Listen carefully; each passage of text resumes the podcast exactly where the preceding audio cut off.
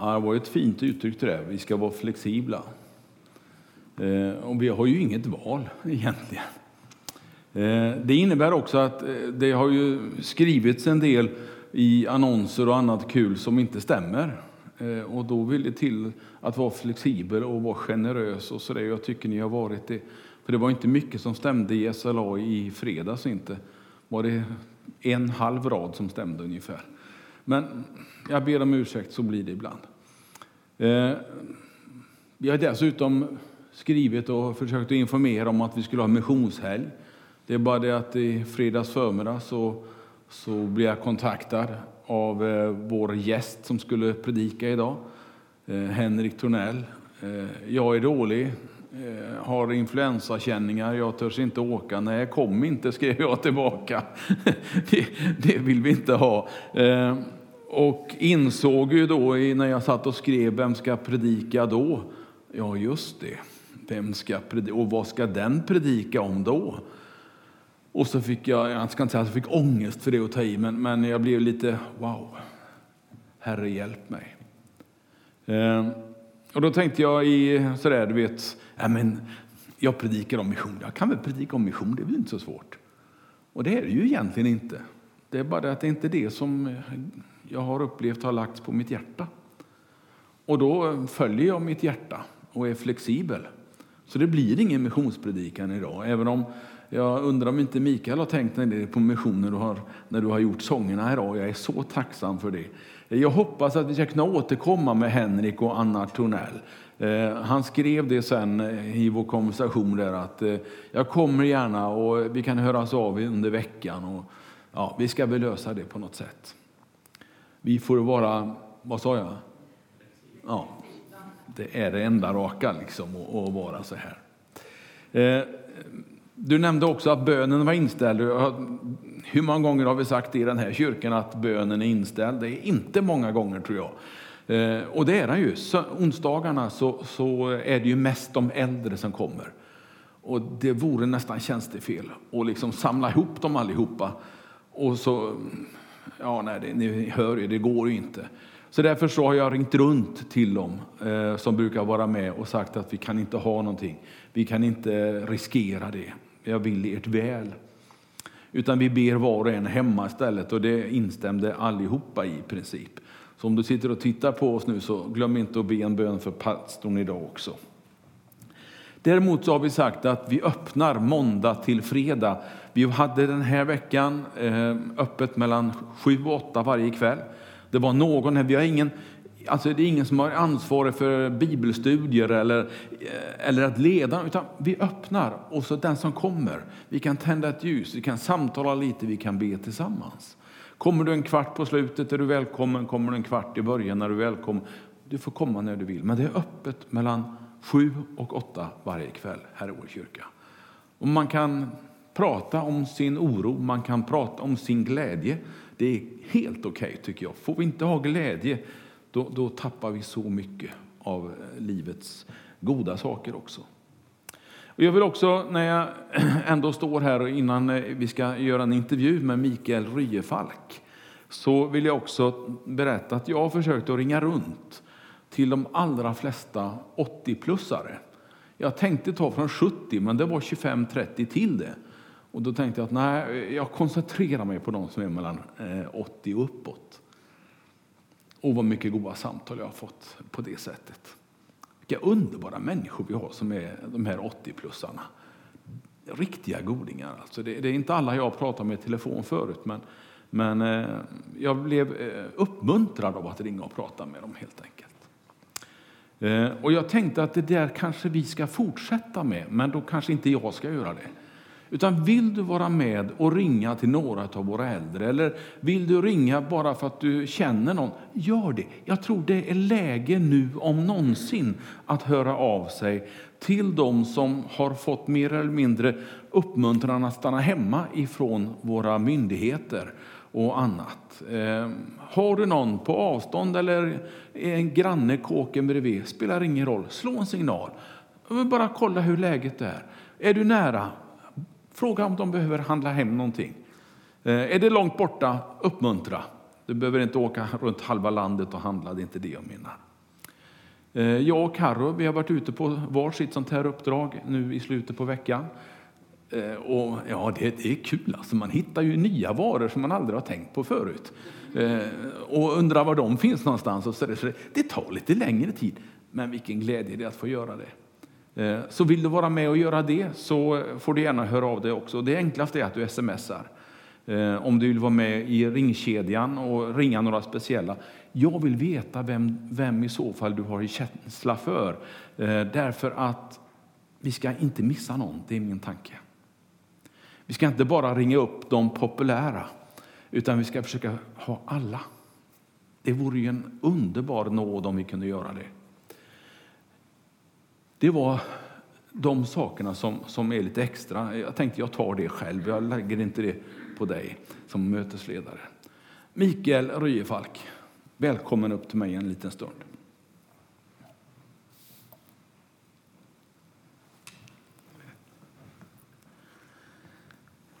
Om du är riktigt snäll så kan du få en egen mikrofon att hålla i. Vad trevligt, så slipper jag vara så nära dig. Ja, men då håller du den nära munnen istället. Är det så? Ja. Får man sitta ner? Ja, det är tanken det. Vi som är äldre, vi får ju sitta lite. Ja, vet du. 60 plus. ja, just det. Du är 60 också, ja. Ja, där är vi lika. För er som inte känner Mikael Ryefalk, om det skulle vara någon, jag tror att de flesta här, men det kanske finns någon utav de hundra plus, alltså antal, som då sitter och tittar på, på nätet, som inte känner dig, eh, så är det här en, en glad och god gubbe eh, som snickrar och river och bygger när han är hemma i Sverige, ungefär halva året. Och resten av året så river och bygger. Nej, du bygger nog mest, va? Du bygger Guds rike helt enkelt som missionär i Tanzania bland Masai-indianerna. Är det något som är riktigt? Nej. Ja, jag vet. Jag, vet. Jag, jag skrev det i morse. Massajer skrev jag. Eh, och sen så tänkte jag, jag får inte säga... Du vet, man ska aldrig tänka det man inte får säga, eller hur? Men det är inte så fel för att de har båge och sjö. Ja, okej. Okay. Men de är ju inte som Mikael sa, eh, röda. röda. Nej. nej, de är kolsvarta. Men du, där, där, där finns du en, en, del av året och jobbar ja. som missionär. Eh, skulle, man skulle kunna fråga mycket om språk och kultur och sånt där. Men jag tänkte vi hoppar det idag. Mm. Är det okej? Okay? Eh, jag skulle vilja börja med där du bor. Hur ser det ut från ditt fönster? Oj. När du tittar ut, hur, vad ser du då? Idag ser jag... Nej, inte nu, utan eh, ja, där. I, ja. i Tanzania, ja. i, mitt, i mitt hus som jag hyrar. Jag hyrar ett hus utav Fred Nyman. Och där är det, från min uteplats där, så har jag Tre meter fram så är det en stor bougainvillea-häck. Så går det ner en trappa och så är det en stor eh, ja, rabatt. Så när vi 2014 satte de här små ynka pynka växterna som idag är längre än vad jag är. Där har du diverse blommor och kaktusar och eh, jag vet inte vad allt detta heter. Hanna Nyman har gröna händer och jag har inga gröna händer alls. Anders Larsson skulle stortrivas där. Det finns massor. Och så har vi två sköldpaddor och två hundar. Ja, så att eh, bougainvillea är det som syns mest. Sen har vi... Vänta lite, hundarna kan jag förstå, men sköldpaddorna? Ja, men de, ja, de, de har de hittat. Eh, afrikanerna har kommit med dem. Okay. Och nu har vi inhägnat där, så de kommer inte ut. Och det är bra, för då blir de inte ihjälslagna. Nej, okej. Okay. De får vara hos oss. Ingen soppa? Nej. Nej. Och sen har Hanna fiskdamm och men då är det så här, på min avdelning, mm. där, är det, där är det savann, så där är det akacieträd. Och när jag började bo där 2012, då såg jag ner över hela slätten. Och sen har det då regnat, och regnat mycket. Så nu är de här träden så långa. Och då sa jag till Hanna så här att jag har ingen utsikt, du får kapa dem där. Och det går inte att säga till en människa med gröna händer, hon blev arg. Och hon kan bli väldigt arg. Så hon tyckte det var väldigt dumt att kapa dem där. Så du får titta på vägen när du, är, när du åker på vägen. Det räcker tyckte hon. Så nu ser inte jag så mycket, men jag har en lummigt och fint. Och det är så här att när de började bygga det där 1980 så fanns det inga träd på den stora kullen. En stor ås som går, en bergskant. Idag är det lummigt och fint. Hon har 150 fågelarter som har kommit tillbaka på grund av att, eh, att hon har då fått upp så mycket träd och nu har hon dammar. Så nu finns det även då svenska flyttfåglar som mellanlandar där och när de åker tillbaka upp till Sverige. Så det är lite kul. De är som du, de flyttar Ja. eh, dit en gång om året och hit en gång om året. Sen har vi såna här stora ibisfåglar. Okej? Ja, och de låter, Dygnet runt? Och speciellt på morgonen. Mhm. Börjar vid fyra och sen kraxar de rejält och så landar de på taket och vi har plåttak och så bara ett innertak. Eh, Så då vet man att de är igång. Du behöver ingen väckarklocka med andra. Nej. Eh, är det varmt? Är det kallt? Eller är det fuktigt? Är det... I, då, nu när jag kom tillbaka ifrån Gelai, Mm. jag var i Gelai nu när det här hände då? Så då var det, vi skulle ha en kampanj, vi först var det bröllop och sen skulle vi ha en kampanj. Och sen då åkte vi längre ut där jag inte hade varit förut och det var kul för att då eh, fick jag se hur det var. Då var det 37 grader varmt. Och då var till och med jag svettig, för då tyckte jag det var lite katigt. Och så kom jag tillbaka till Arusha då på måndag natt. Då var det, tänker jag, som att gå in i ett fuktigt tält. Allting var blött. Mm. Eh, För då är det ju, jag bor ju på bergskanten och där hade det regnat och där var det fuktigt. Och eh, sådär halv, 16 grader inne. Ja, Jag that's förstår. life. Tack. En sån där liten miljöbild som man kan sakna ibland. Man undrar vad, hur det ser ut. Men varje period när du har varit ute har ju haft sina prövningar om jag har förstått det rätt. Och sina glädjestunder. Mm. Kan du berätta om någon som du har varit med om den här, det här halvåret du har varit ute? Det här halvåret har ju varit helt annorlunda. Eh, regn är bra. Det är mycket regn, det blir mycket problem. Så det börjar regna i oktober och då har vi en väg någonstans.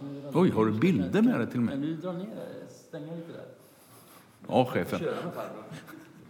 Ja, Anders han fixar det. Då eh, såg det ut så här. Det här började i eh, oktober.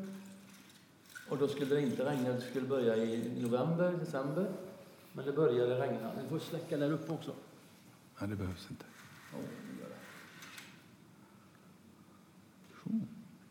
Och det här är då en av de vägar som jag skulle åka på. Och det är ju, eller så här funkar det. Blir det mer är det lite jobbigare. Eh, Men här tog vi oss fram, jag och min eh, afrikanske broder Masai. Och då började det regna. Och sen så regnade det, och sen regnade det mer. Och sen la jag bilen på sidan för att lossade framhjulet. Eh, Då så kom jag hem över jul. Och då var jag där. Men sen så, när jag kommer ut igen och bilen är lagad så tänkte jag nu kan vi fortsätta köra då, så ut i terrängen. Men då hade det regnat. Så då var det ju så här att då gick det inte att köra där jag ville köra. För då fastnade vi. Mhm. Och Laiser tyckte det var roligt och sa idag ska vi, idag ska vi ha kul tyckte han. Men jag tycker att det är roligast när man precis tar sig igenom ett surhål och precis kommer upp. Det, det, då är det skönt. Men vill sitta i ett hål och gå ur och så vill inte de gå ur bilen och så, mm. Då ska man försöka gräva sig loss där och så, det, det gillar inte jag. Så det är väl det som har varit intressant. Sen hade vi ett bröllop. Jag har ett kort på ett bröllop. Snart. Där har vi bruden och brudgummen och så är det jag och så mm, uh, best man och hans fru. Jag hade lite skägg där, tyckte jag skulle se ut som Sivert Öholm lite där, men det gjorde jag inte. Sen så, sen så eh, är det ett kort på bruden där igen. Där är Simon och hans fru, det var en höjdpunkt. Och eh, hon var ifrån, och det här var så intressant för jag, vår Herre han höjer bön. Mm. Ja, det regnar ju sådana här vägar som jag visar på, det var inte roligt. Så då sa jag till Herren så här att det här funkar inte, jag vill inte ha sådana vägar när vi åker med brudparet utan du får se till så att det inte regnar från den tionde. Och det slutade den tionde. Och den tolfte kom vi, vägen var stenhård och torr. Kom vi upp dit och sen så var det torr väg och nu regnar det igen.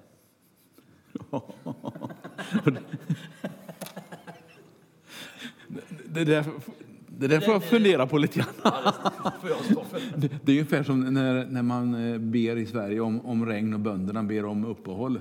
Ja, Eller hur? Där ute bad nog alla om uppehåll. Ja, okej. Ja, men det, då kanske det funkar. Ja, man vet aldrig. Men du, det, det är lite, lite glädjeämnen du har varit med om. och, och lite jobbiga eh, med bilen och sådär. Det förstår jag. Och så några hundra frälsta på det. Ja, jag tänkte så här, hur går det med kyrkbyggnationen? Då tänker jag inte på, på tegelbruket utan människorna som man bygger Guds rike med. Det går bra. Vi har visat film på... När vi har kunnat komma ut så har vi visat film. Vi visar Jesusfilmen mitt i natten. Massajerna tycker man då skulle kunna komma ut i tid. Eh, Men deras tid börjar klockan mellan 8 och 9 på kvällen. Och så håller filmen på i två timmar och efter det sen så har vi då inbjudning till frälsning och till eh, bön för sjuka. Så några hundra frälsta har det blivit.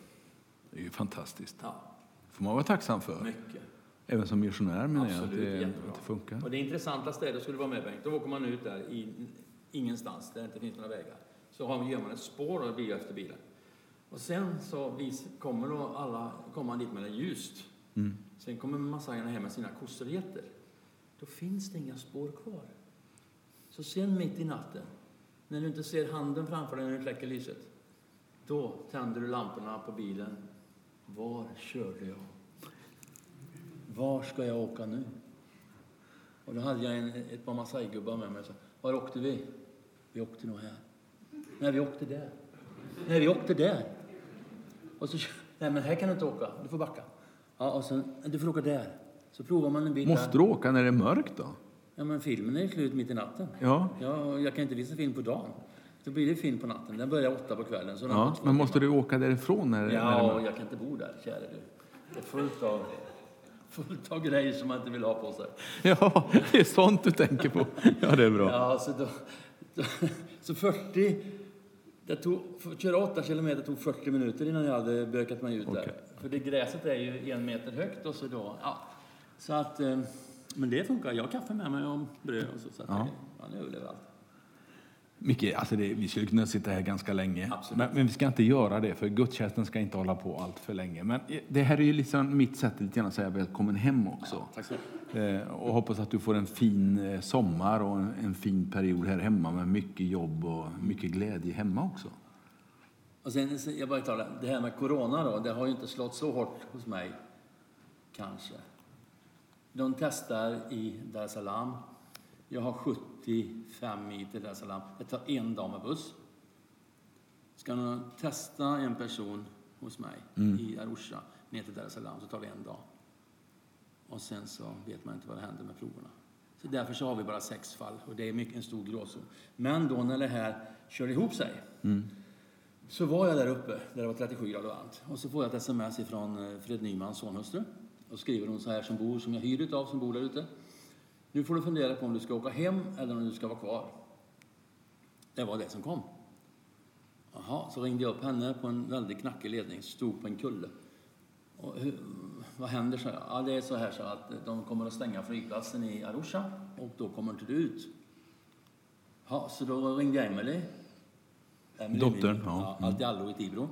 Då ringde jag henne och så sa ordna en biljett ut ur landet fort och lätt. Och så, för jag, ringer, jag har kontakt med dig nu, så ringer jag dig om en timme eller två när jag har kontakt igen, för då sen bryts det. Så börjar vi köra hem sju på kvällen och då är det kolsvart. kommer fina hyenor där. Åh, så nice. Så de, alla vilda djur kommer där och sådär. va, och så, ja, det var smaskigt. Och I alla fall så, så fick jag tag på Emelie sen där då vid eh, åtta, halv nio. Jag hade ordnat en biljett. På, det var måndag kväll, tisdag kväll klockan tio över sex skulle jag vara på flygplatsen. Hem mitt i natten. Då hade jag ju sex timmar att köra hem.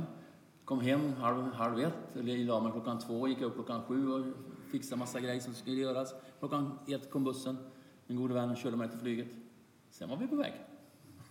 Men det var liksom i sista Ja, nu har de momangen. stängt. Ja. Nu har de stängt. Och priset på biljetten. Ja, ja, den steg ju. Jag förstår det. Hörni, ska vi ge Mikael en välkomstapplåd hem kanske?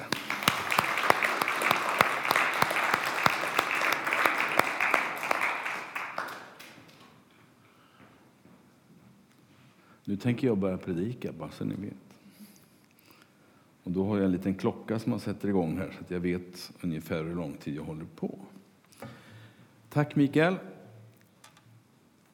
Vi återkommer väl när det, när det vänder liksom och det börjar dra utåt igen. eh, nu tänkte jag som sagt berätta lite grann, predika lite grann utifrån en psalm, psalm 24 och två versar.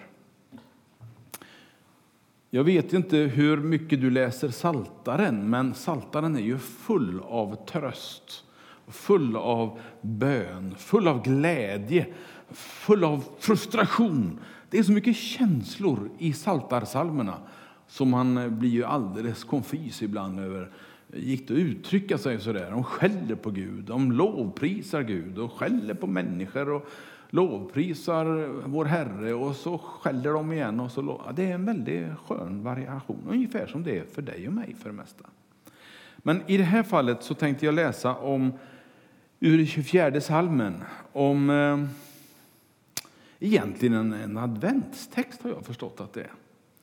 Men eh, när Gud tågar in har jag satt som rubrik. Och då står det så här i eh, vers 9 och 10. Finns den med som... Nej, den har jag inte ens...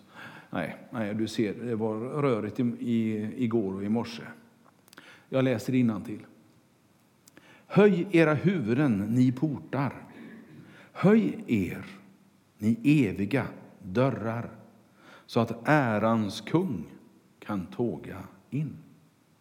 Vem är han, ärans kung? Det är Herren, stark och väldig. Så ber jag Gud, du välsignar ditt eget ord, att det får landa i våra hjärtan på ett vettigt sätt. Herre, jag ber, låt oss få känna frid och eh, harmoni i ditt ord. Låt oss få finna de där salmerna som fyller oss med glädje men som också vi kan känna igen oss i med frustration. Men nu ber jag dig, Herre, hjälp oss att öppna våra portar. Att inte stänga dem i rädsla. Utan Herre, ha ett öppet sinne, vara flexibla men också välkomnande. Amen. Det står ganska mycket om portar i Bibelns värld. Eh, det var ju inte vanliga dörrar som du och jag har in till våra hus. Det är inte det vi talar om. Utan oftast när det talas om portar i Bibeln så är det liksom eh, den här typ Damaskusporten som ni har på bilden bakom här. Det är liksom en port i Bibeln. Så här. Och då, det är ju liksom inte bara en liten eh, garageport heller, utan det, det är ju liksom en mastodontgrej. Den här finns ju att beskåda i Jerusalem idag. Det var så många år sedan som jag var där och gick igenom Damaskusporten. Eh, den är både vacker och eh, ett virvar av människor och allting händer i denna Damaskusport. Eh, så det är ja, några som nickar har varit där, förstår jag. Det var ju ett skydd mot objudna gäster kan man väl säga. Det var ju en öppning i de tjocka murarna runt omkring en del av städerna. Och en öppning då också för fienden att ta sig in. Och därför så förstärkte man de här portarna på alla möjliga sätt. Och man var påhittig och man gjorde allt man kunde. Men man satt också där vid stadsporten och eh, sålde saker. Man hade det som mötesställe. Man satt i porten, det står om i eh, evangelierna hur man satt i porten och väntade på Jesus, hur man satt och samtalade. Det var en mötesplats på samma gång. Och ibland så byggde man portarna lite lägre. Eh, inte lika höga som eh, de stora portarna, utan lite lägre. För då ville man inte att ryttarna skulle kunna rida in eh, lite sådär eh, i fart.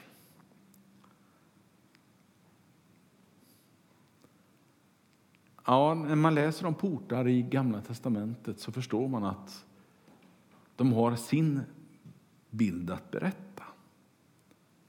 När jag bläddrar lite grann i det Gamla testamentet så behöver jag inte komma så långt. Det räcker med att bläddra fram till eh, den gode Abraham så kommer det in eh, portar i hans liv också. Första Mosebok 23. Eh, du är med och bläddrar när du hittar något som jag har lagt upp, eller hur?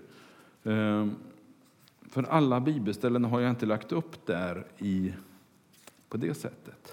Men första Mosebok 23, det, det handlar om Abraham. Han får liksom ett löfte. Du vet, Abraham och löften och Abraham och bön, det hänger ihop. Va?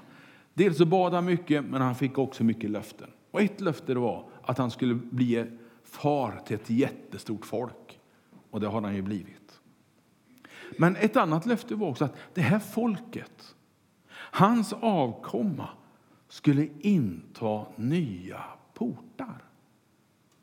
Märkligt bibelställe på ett sätt. Skulle inta fiendens portar.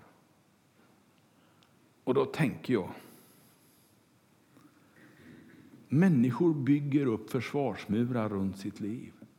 Och Jag brukar be Gud om nåd och hjälp att på något sätt nå bakom människors skyddsmurar. Som man bygger upp för att stänga andra ute eller som man omedvetet bygger upp för man är rädd och osäker. Ibland behöver vi inta nya portar. Ibland behöver vi inta fiendens portar. I texten här som, som jag läste så stod det att Gud vill tåga in genom porten. Han uppmuntrar oss att göra ingången större, vidare, bredare, inbjudande. Det stod ingenting om trösklarna, men det brukar vi ofta tala om att det är höga trösklar hit och dit. Men här talas det mer om, om själva porten.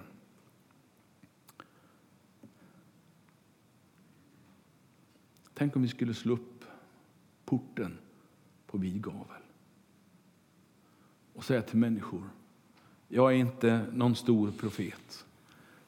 Jag är inte det, jag är inte det. Men det jag är, det vill jag erbjuda. Jag är kristen. Jag älskar Jesus. Och han uppmuntrar mig att hjälpa dig. Får jag hjälpa dig? Får jag handla för dig? Får jag ha lite kontakt med dig? En del de reagerar när det är kristider med att låsa den där porten och slänga bort nyckeln. Så mycket man kan runt omkring sig. Och jag kan förstå den reaktionen. Men jag skulle också vilja uppmuntra oss, alla vi som tror på Jesus, att istället kanske låsa upp och bjuda in.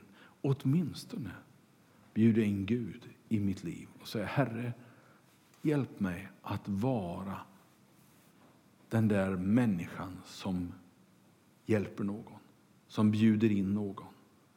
Herre, med dig i mitt hjärta så vill jag hjälpa andra.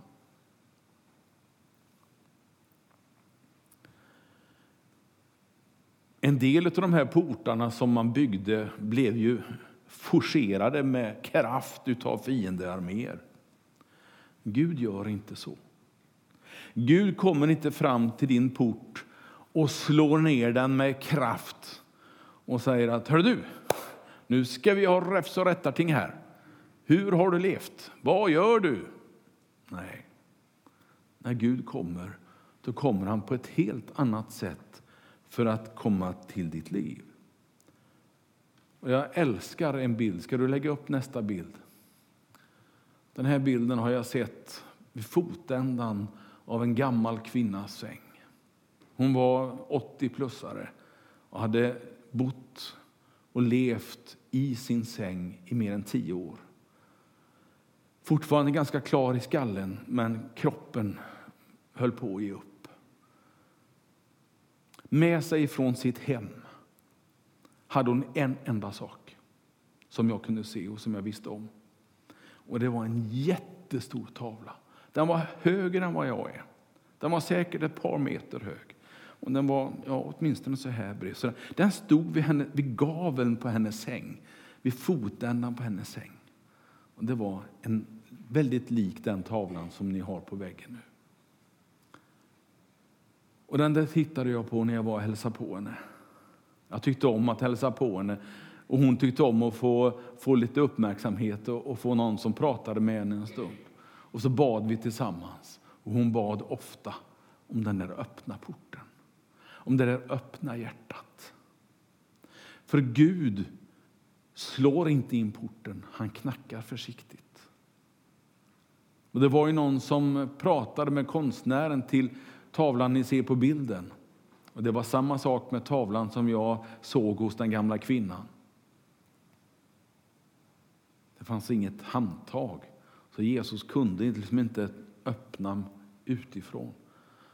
Och Det påtalades då att det var en brist i tavlan. Konstnären fick lite skäll. Du har glömt handtaget. Nej, sa konstnären. Det har jag inte, för det sitter på insidan. Det är bara du och jag som kan öppna. Och jag älskar den där bilden. Ska vi läsa det som står där i Johannes uppenbarelsebok kapitel 3? Uppenbarelseboken kapitel 3. Jag kommer tillbaka till den där uppenbarelseboken som är så fantastisk att läsa. 3 och vers 20. Se, jag står vid dörren, säger Jesus till Johannes, och knackar. Om någon hör min röst och öppnar dörren ska jag gå in till honom och hålla måltid med honom och han med mig. Och vem skulle inte vilja ha en lunch med Jesus? Vem skulle inte vilja ha honom som lunchgäst vid sitt matbord? Att samtala med, att berätta för Jesus, jag känner så här. Jesus, så här är det just nu. Jag studsar av glädje. Eller Jesus, jag är så orolig. Hur ska jag klara mig i coronavirustider? Hur ska jag klara mig med min ekonomi? Hur ska jag få lånen att funka med mitt hus? Det kan vara miljoner frågor. Och det fina det är att det måste inte bli det där fysiska besöket. Utan du har så nära till honom så det räcker med de knäppta händerna. Och så säger jag, Herre, jag vill öppna min dörr så du kan få komma in i mitt liv. Herre, välsigna mig i det jag står i, i det jag är, i det vi har, i det vi är just nu.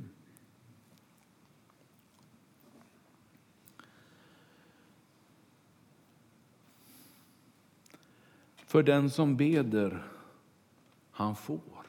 Och för den som klappar skall det öppnas, står det på ett annat ställe i Bibeln. Det finns en port som varken du eller jag kan påverka. Det finns en port som eh, är omöjligt för dig och mig att öppna eller stänga. Som enskilda människor så har vi ingen chans. Men den porten möter de flesta av oss. Ja, jag vet, det är inte jättekul att berätta om det, men Jesus var, om jag förstår saken rätt, den första att gå ut från den porten för att aldrig mer gå in där. Börjar du ana vart jag är på väg? Jag är på väg till Matteus 16 och 18. Vi har den på nästa bild, tror jag. Jesus säger till Petrus i form av en apostel, men också i form av en församling. Det är både och i den här lilla texten. Och jag säger dig, du är Petrus och på den klippan ska jag bygga min församling. Och helvetets portar ska inte få makt över den. På ett annat ställe står det dödsrikets portar ska inte få makt över den. Så hur det än går finns det en port som Jesus har gett församlingen makten över. En port som de flesta av oss på ett sätt kommer att möta. Ja, dödsrikets port. Men en port som också kan benämnas som helvetets port och som han för evigt har sett till att du och jag inte behöver möta. Därför att hans församling har fått makten. Genom hans död, genom hans uppståndelse så har han varit nere och tagit nycklarna till den där porten. Och sen är det över för vår del. Vi behöver inte oroa oss. Jag vet inte exakt hur det där går till. Jag har inte sett porten. Jag vet inte hur, hur det ser ut. Jag har ingen aning. Jag erkänner det. Och eh, jag fikar inte efter att få kunskapen heller. Men jag lever i tryggheten att den porten, den har Jesus tagit nycklarna till. Och så har han sagt att min församling, där är makten, inte hos djävulen. Och det får du leva med, det får du, det får du ha som trygghet. Det finns andra portar. Eh, I eh, Första Mosebok så läser vi om, om de första människorna. Vi läser om hur vackert det var, hur fantastiskt det var i det som då kallas för paradiset. I den där jättestora trädgården. Jag tror inte att det var någon sån liten trädgård som jag har hemma på 1300 kvadrat, utan det, det var nog liksom någon som det tog några dagar att gå igenom om man skulle gå igenom. Anders han hade kunnat levt där länge och mått väldigt gott tror jag. Eh, och kanske fler av er hade gjort det. Men de första människorna strulade till det. Och då står det i Första Mosebok 3.24 att man blev utslängda från paradiset med synden som orsak. Och så verkar det som att där finns det en port som de inte får gå in i igen.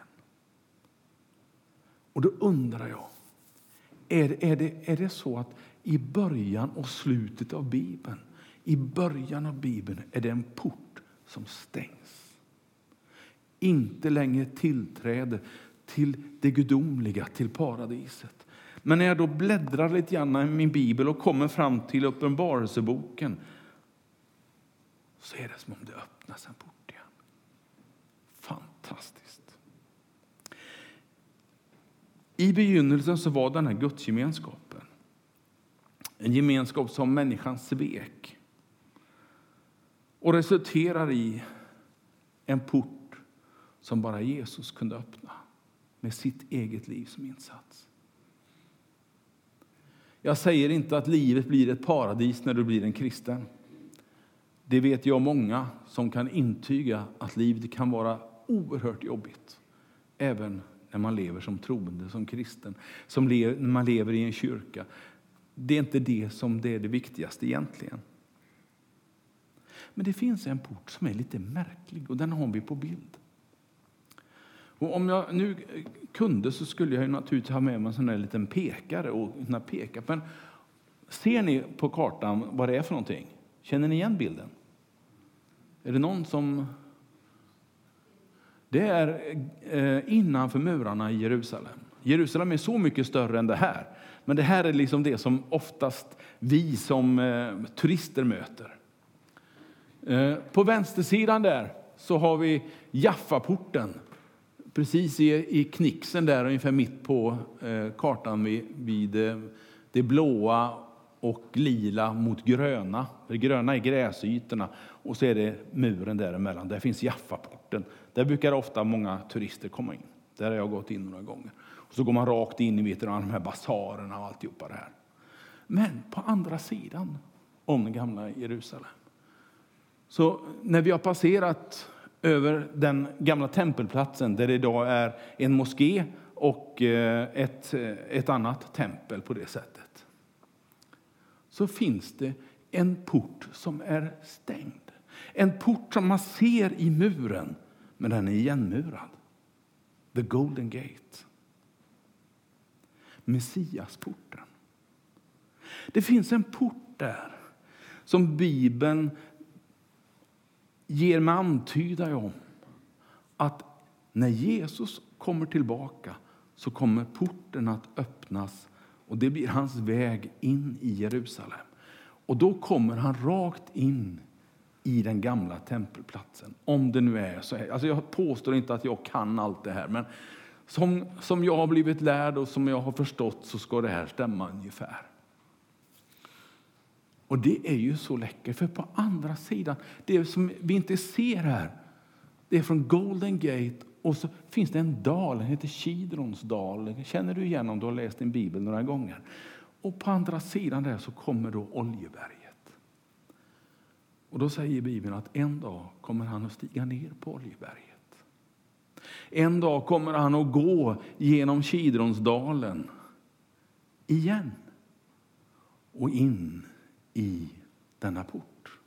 Utanför den porten så är det en massa gravar. Och det, det, det är med ett leende jag säger det, men, men också med ett allvar. Men där har man försökt att stänga igen möjligheten för Messias att komma in genom porten med gravar som muslimer har begravts i. Och då tror man att Jesus kommer att, att stanna där och inte gå in på något sätt. Och jag tror att Jesus är större än så. Jag tror att Jesus när han kommer i sin makt, när han kommer och ställer sina fötter på Oljeberget så låter han inte några gravar, så låter han inte några människor stå i vägen för honom. Utan då kliver han igenom alltihopa det här och muren öppnas och det blir en fest utan like.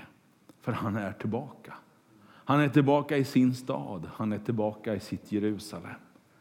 Och då, om jag är med då på jorden, om jag lever då, så får jag vara med på den festen också. Och är jag i himlen så tror jag att då, då kan jag nog se det i alla fall. Jag vet inte. Jag hoppas ju på det i alla fall, för det är ju en fantastisk upplevelse.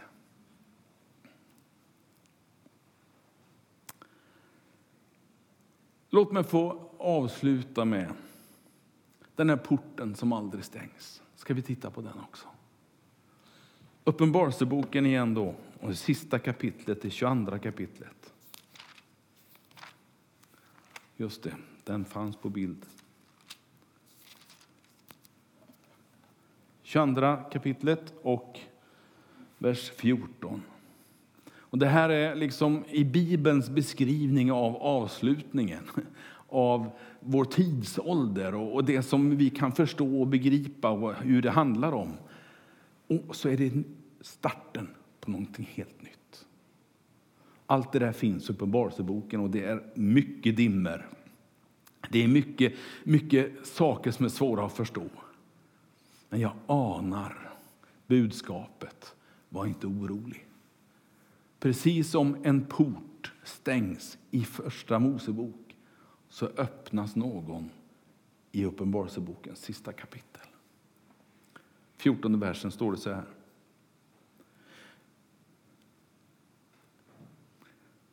Jag kan läsa vers 13 för den är helt underbar. Men den finns inte med på, på väggen. Jag, säger Jesus, är A och O. Den första och den siste, begynnelsen och änden. Saliga är de som tvättar sina kläder så att de får rätt till livets träd och får komma in genom portarna till staden, som då är öppen. Det finns en, en bild. Det finns en, någonting som man vill inplantera i dig och mig, känns det som. Jo, det stängdes i Första Mosebok, men i Uppenbarelseboken så öppnas det för den som tror på Jesus. Att få komma in i en tillvaro. Jag säger inte att det är en stad med skyskrapor och guldgator som vi ibland eh, undrar om det var. Utan jag tror att det är en tillvaro tillsammans med himmelens Gud. Tillsammans med alla som tror på honom. En port som öppnas, som inte du kan stänga eller öppna själv. Lika lite som Adam och Eva kunde öppna porten till paradiset på nytt igen av egen kraft så kan vi inte påverka det där heller. Det du kan påverka, det är ditt val. Vill du följa med in i den porten? Vill du följa med in genom den pärleporten som vi så gärna sjunger om ibland? Ja, då har du tron på Jesus i ditt hjärta som svar på det. Har du det, vill du tro på honom, så är porten öppen. Och Det får bli avslutningen på min predikan denna märkliga söndag. Hur det blir framöver har jag ingen aning om. Hur många söndagar vi kan mötas så här med publik i gudstjänsten, det vet jag inte. Men vad jag vet är att vi kommer att fira gudstjänst. Med eller utan publik i kyrkan så kommer vi att fira gudstjänst. Och vad jag vet just nu så tänker vi med publik i gudstjänsten. Det kan förändras, jag vet inte. Och egentligen, bara jag får fira gudstjänst. Jag har firat gudstjänst på sängkanten med er i sjuksängen. Jag vet vad det är. Det är lugnt, det funkar, det går. Man kan bli salig där också. Men hur det än blir så har vi en himmelsk port att se fram emot. Och den är öppen för dig. Den är öppen för mig.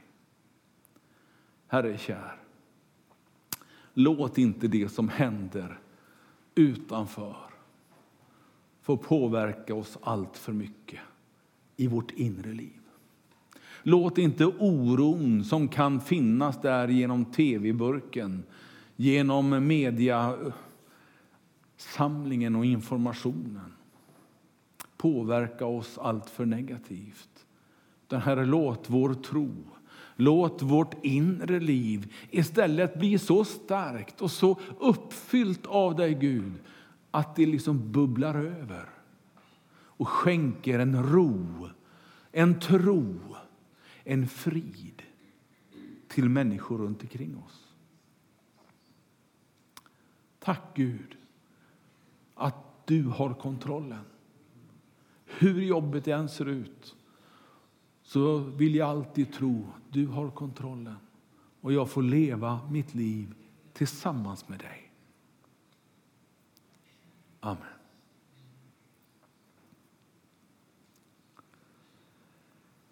Vi ska väl be tillsammans, men Mikael kan inte du komma och sjunga någonting tillsammans med oss så ska vi strax berätta hur vi ska göra detta.